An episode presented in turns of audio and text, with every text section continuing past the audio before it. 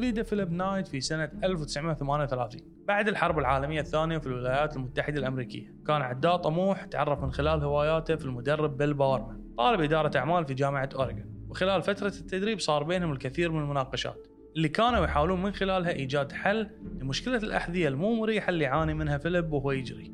كانت الاحتياجات الشخصية هي الدافع الأساسي عشان يبتكرون.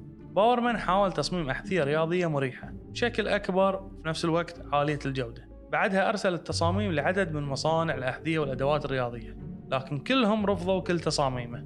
وهني قرروا نايت وباورمان أنهم يصنعون أحذيتهم بنفسهم بدون مساعدة أحد. في عام 1964 أسس نايت وباورمان شركة لبيع وتوزيع الأحذية الرياضية. في وقتها سموها Blue Ribbon Sports كان رأس مال الشركة 600 دولار تقاسموها عشان يشترون أحذية من اليابان ويسوون عليها تعديلات عشان تصير مريحة وعملية أكثر وعقبها يردون يبيعونها. فترة الانطلاق كانت الأصعب بالنسبة لهم. ما كان عندهم محل كبير ولا محل في سوق تجاري معروف. كانوا يستخدمون سرداب بيت نايت للتصنيع ويبيعون الأحذية في الشوارع ومحطات المترو. هالمرحلة امتدت أربع سنوات كاملة ليه ما قدروا يفتحون شركة سموها نايكي.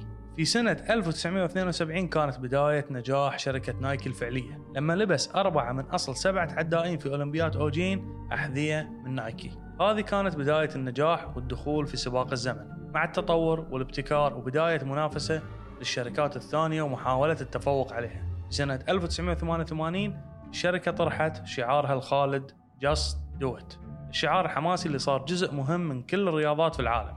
واليوم شركة نايكي تستحوذ على 43% من السوق الأمريكي للملابس والأحذية الرياضية ولها موزعين في أكثر من 110 دول في العالم.